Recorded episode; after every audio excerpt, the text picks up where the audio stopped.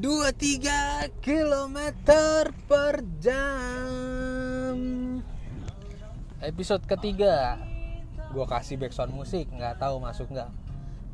Tapi gue nyalain musik aja. Karena kali ini gue mau ngomongin soal Referensi musik gue Iya kan? Kemarin gue udah ngomongin referensi Podcast sekarang gue ngomongin referensi musik. Gue sebenarnya gini-gini bego-bego ini kemarin sempat iseng-iseng sama temen gue bikin akun di YouTube namanya at review album fisik.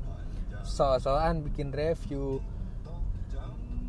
Tapi abis itu temen gue kayaknya lebih suka bisnis. Dia akhirnya bikin store album fisik gitu di daerah Klaten Jawa Tengah. Nah si review album fisik ini kan akunnya kita kelola berdua nih. Dia kayaknya udah fokus ke store-nya. Review album fisik gue juga udah agak vakum. Kecilin kita. Nah kalau musik sendiri gue termasuk kalau bisa dibilang kemarin lagi rame kan indie indie gitu. Ya gue lebih senang musik indie sih yang bisa dibilang indie walaupun perspektif dan pengertian indie sendiri itu sampai sekarang juga gue nggak nggak ada rumusan. Oke kalau mungkin di tahun-tahun 2000-an berapa ya abis pasca pasca pengen rame-ramenya. Gue zaman SMA kali 2006 7 gitu. Dulu uh, efek rumah kaca gitu kan kalau gue nggak salah tahu uh, referensi ya efek rumah kaca kan dengan lagu cinta melulu itu kan dia berusaha mendobrak uh, industri musik yang saat itu sangat tergantung dengan label gitu. Nah mungkin di fase itu juga lah gue mulai bisa memilih atau mulai bisa menentukan apa yang gue dengerin. Dulu memang kita sangat terbatas kan saya kalau gue kecil lah gue SD masih dengerinnya ya paling TV radio sama kaset.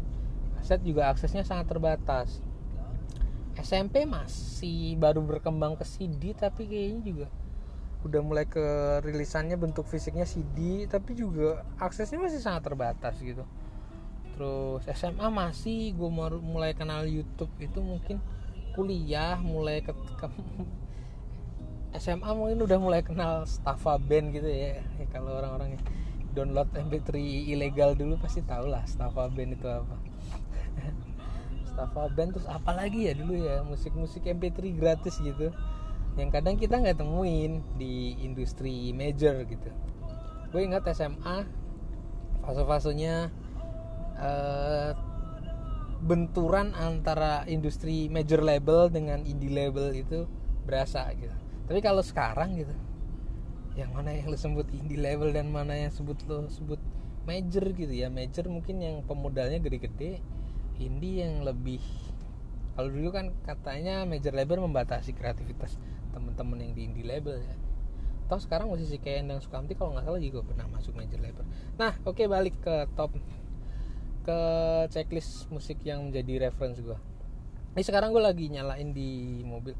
Gue albumnya si Lampu album album pertama kalau nggak salah. Ya album pertama lah ini. Uh, dosa kota dan kenangan. Ini salah satu album yang gue suka banget sih. Ini gue waktu itu dapat tanda tangannya tanggal berapa? Nggak dikasih tanggal lagi. Taiba Seki sama Mas Karis. Nah ini salah satu musik yang cukup long last untuk gue dengerin.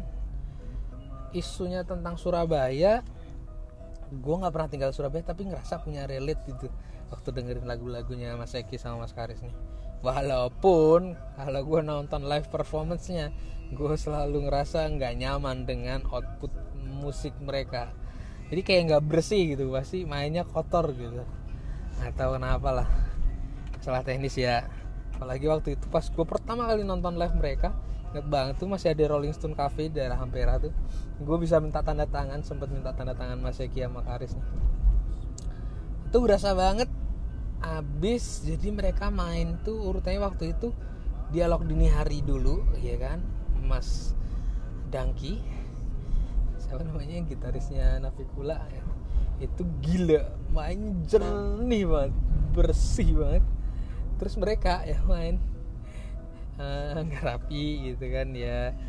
Akustik tapi nggak nggak nggak clean gitu musiknya yang keluar outputnya aja sih. Tapi memang musiknya kan lagu-lagunya keresahan-keresahan yang relatif mewakili banyak orang ya. Ya apalagi lagu Dolly nih kan. Sengaja ditunda. Better gue gak nyanyi. Nah musisi lain yang ad, albumnya ada di gue ini ada di Adams. Di Adams nih gue sebenarnya di Adams agak telat sih taunya ya. Maksudnya zaman zaman album pertama mereka tuh gue ya gue dengerin tapi nggak ya ya gue nggak ada nggak nggak nggak banget banget gitu yang kayak ngefans banget gitu enggak sih. B, B aja dulu. Cuman emang konservatif tuh kan kayak lagu sejuta umat gitu terus kengocolan mereka di panggung itu kan juga gue menikmati. Nah udah di Adams gak terlalu banyak gue pengalaman sama mereka juga nonton. Ini cuman gue punya albumnya karena gue waktu album mereka yang baru nih pas launchingnya gue pas jeda-jeda tuh nggak ada kerjaan kemarin tahun lalu. Jadi gue bisa datang ini mungkin sekitar setahun yang lalu ya After Plus ya rilis tuh. Kalau gue nggak salah Februari atau awal Maret. Awal Maret awal Maret. Berarti bentar lagi tuh album udah setahun.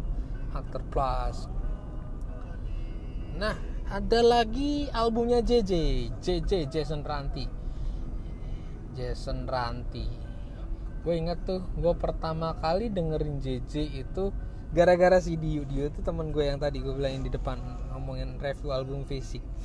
Si Dio waktu zaman zaman dia kan calon hakim tuh dia ada pelatihan apa gitu terus di Bandung dia nyempetin tuh nonton JJ dia kasih tahu gue dengerin deh Jason Ranti cari di YouTube gue dengerin. Ini orang ngapain dah gitu. Orang ngomong sendiri di atas panggung sambil main gitar gitu. Karena kayak nggak terlalu nyanyi. Dia nggak terlalu nyanyi dia kayak ceramah aja gitu. Tapi semakin gue dengerin beberapa lagu beberapa lagu. Oh kritik isu sosial yang dikritik menyenangkan gitu. Dibawa dengan satir yang ya satir gitu akhirnya gue punya kesempatan pertama kali nonton JJ kalau gue nggak salah inget ya. Itu Rotus Adrenalin 2018 di Kuningan City. Asik sih. Gue nggak terlalu apa ya pertama kali gue nggak terlalu apa lagunya gitu. Terus gue Adrenalin 18 gue juga nonton ke dia lagi. Synchronize 2018 gue nonton dia lagi. Dan abis itu kayaknya gue udah ngerasa cukup bosen panggung aksi panggungnya gitu-gitu aja. Tapi memang JJ punya barisan woyonya oke okay lah.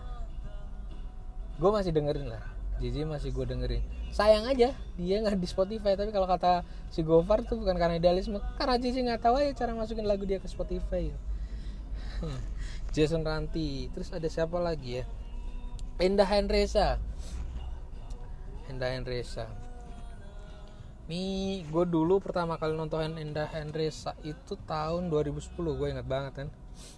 Waktu itu gue nonton niatnya ke Semarang nonton The Sigit. Acaranya anak arsitek undip tahun 2010 kalau nggak salah waktu itu Mbak Endah sama Mas Reza baru kawin berapa bulan gitu. Kalau gue nggak salah ya karena dia nikah kalau nggak salah 2000, Desember 2009 terus gue nonton bulan-bulan pertengahan tahun gitu Semarang. Musiknya romantis. Ini juga salah satu musisi yang pernah gue tonton sama Mbak Mantan. Anjing. Itu romantis banget. Enda Endresa tuh uh, salah satu musisi yang akan gue jadiin referensi buat gue tonton sama cewek. Gue pernah sih random first date ngajakin nonton konser Parahitanya Indah Endresa sama Dialog Dini Hari. Gue yakin tuh cewek berkesan. Walaupun gue dapet tiketnya gratisan dari kantor.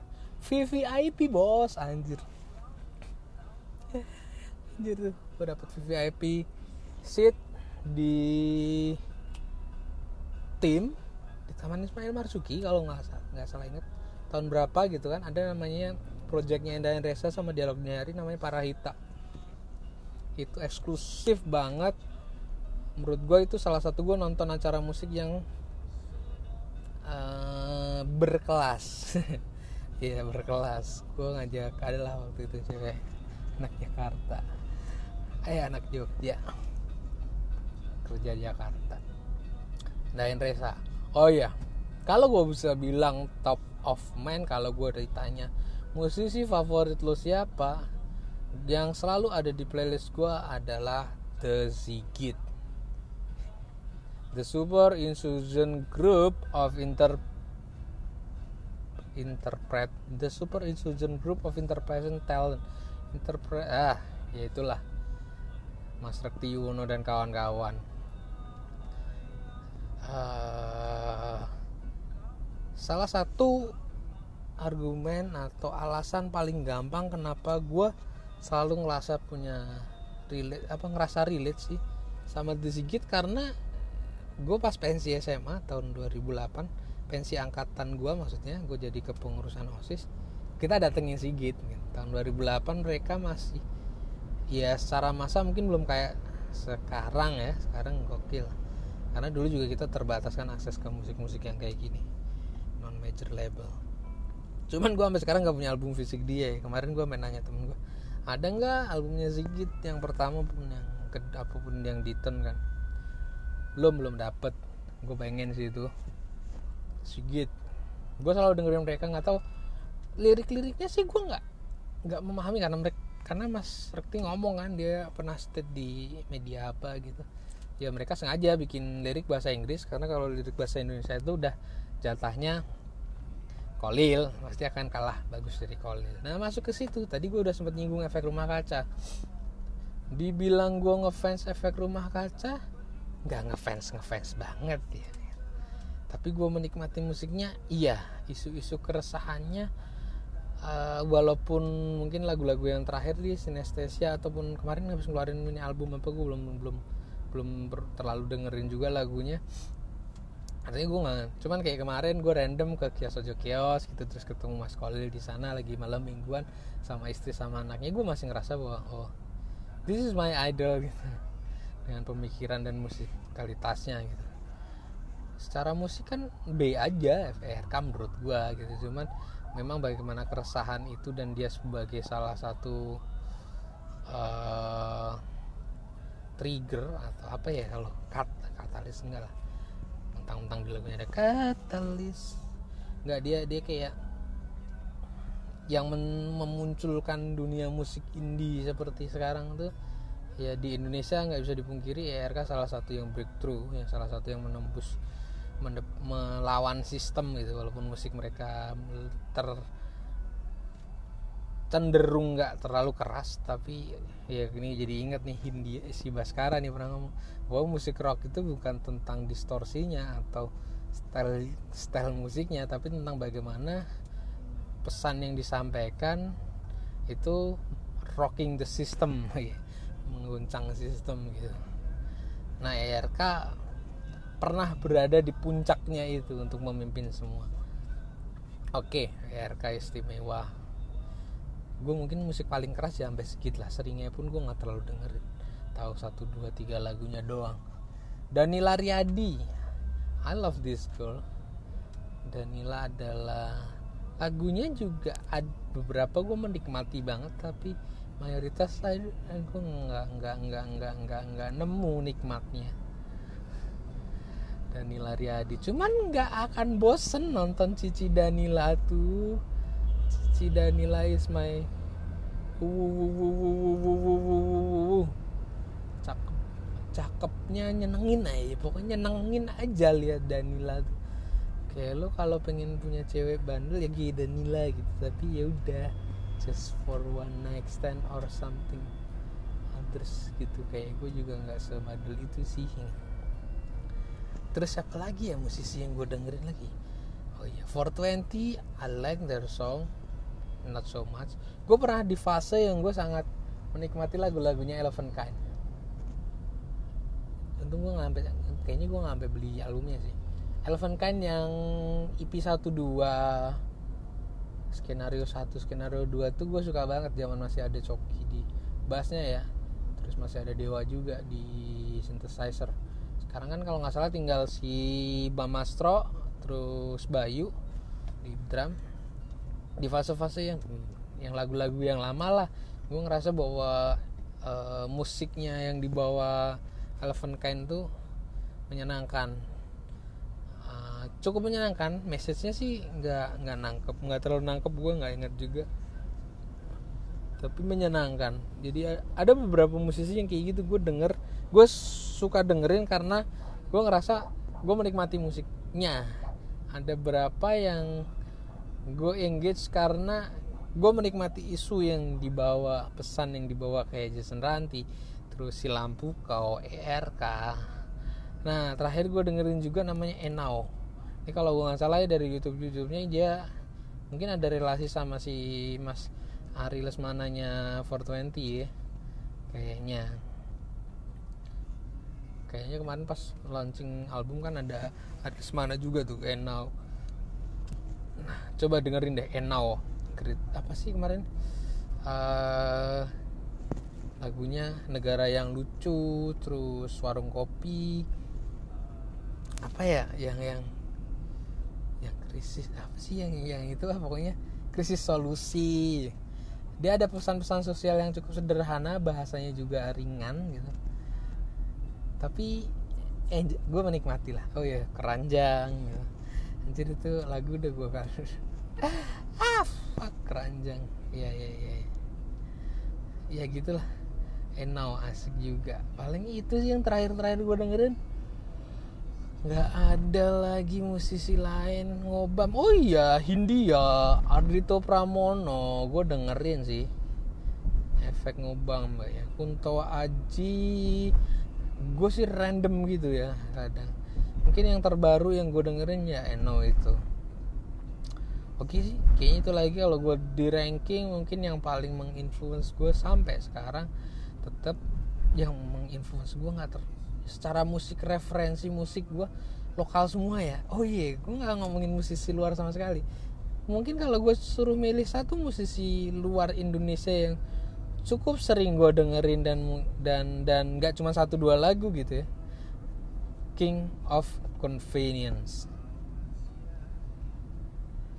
Musisi dari Norwegia. Lagi-lagi nih gara-gara si Diodera Darmawan. Itu gue cukup masih lah masih ada di playlist gue King of Convenience.